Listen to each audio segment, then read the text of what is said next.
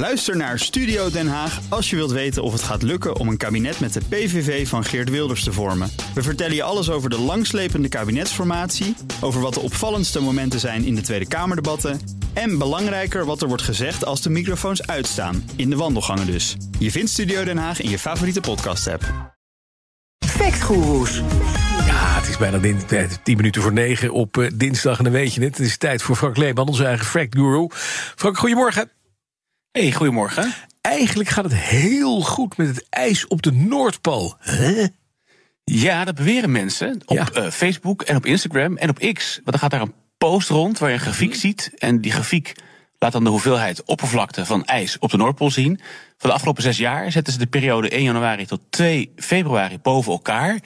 De beschrijving bij de grafiek is dan... eh, er is de afgelopen zes jaar een grote toename van het Arctische zeeijs geweest... Dit zal niet worden gemeld door de mainstream media, omdat de realiteit hun climate scam agenda niet ondersteunt. Oh. Ja, Ja. ja. dat, zo is dat. Zo zijn wij. Ja. En eh, ik heb deze post al een paar keer voorbij zien komen. Maar ik was toch een beetje benieuwd, wat is nou het verhaal van die grafiek? Precies. Wat, klopt dit nou of niet? Eh, Dat is de grote vraag. Nee, Daarom ben je de fact guru. Kloppen die cijfers? Ja, nou, en ik weet hier dus ook niks van. Dus ik wist eigenlijk ook niet eens zo goed welke cijfers moet je dan naar kijken. Dus ik heb gebeld met Maarten Lonen. Die is poolbioloog bij het Arktisch Centrum eh, van de Rijksuniversiteit Groningen. En die komt trouwens al 30 jaar elke zomer in het poolgebied. En ik vroeg hem, welke cijfers moet ik eigenlijk gebruiken? Je hebt een organisatie, National Snow and Ice Data Center, die geeft binnen twee dagen geeft een overzicht hoeveel de ijsbedekking is. Oh, nou. Ja, dus het gaat op, ja, heel belletje. actueel dus. Op, ja, op basis van satellietbeelden, elke Ja. dag bijgewerkt bij de vraag twee dagen. Dus ik heb gekeken van de eerste 33 dagen van het jaar en vergeleken met de eerste 33 jaren, eh, dagen van de vorige jaren. Mhm. Ja, en dan doet 2024 staat dan ietsje hoger dan de periode tussen 2015 en 2021. Oké, dit vind ik opmerkelijk. Dan klopt dus de bewering dat er de afgelopen zes jaar meer ijs eh, is gekomen. Ja, nou, dat is alleen als je kijkt. Ja, precies. Nee, eigenlijk niet. Want als, alleen als je kijkt naar de eerste 33 dagen. en alleen kijkt naar de afgelopen zes jaar.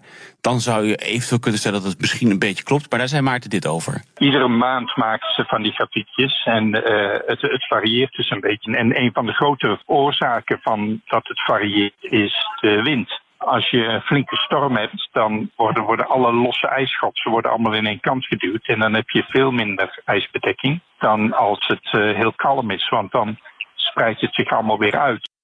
Oké. Ja, dus je ziet misschien nu wel iets meer verspreiding. Maar de vraag is een beetje, ja, wat zegt het? Het zegt dus misschien vooral dat het wat minder gewaaid heeft. Ja, precies, minder gewaaid, ja.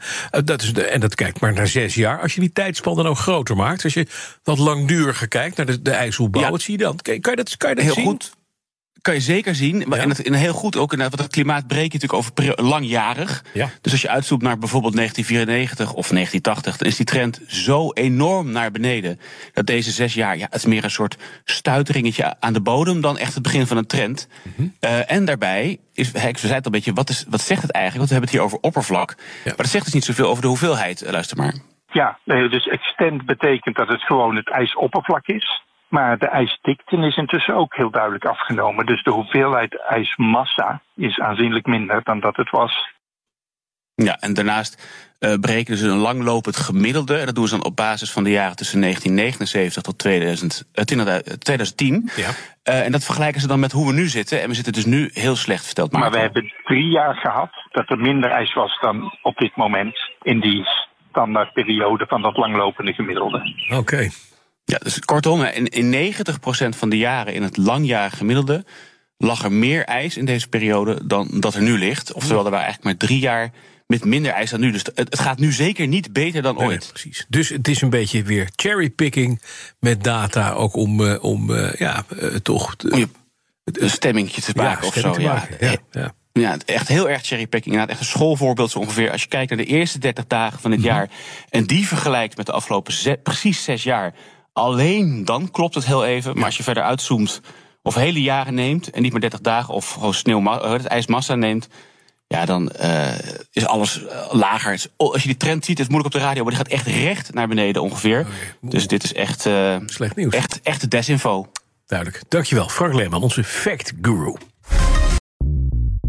Bij BNR ben je altijd als eerste op de hoogte van het laatste nieuws. Luister dagelijks live via internet. Bas van Werven. En heel langzaam komt de zon op rond dit tijdstip. Je krijgt inzicht in de dag die komt op BNR, het Binnenhof in Nederland en de rest van de wereld. De Ochtendspits. Voor de beste start van je werkdag. Blijf scherp en mis niets.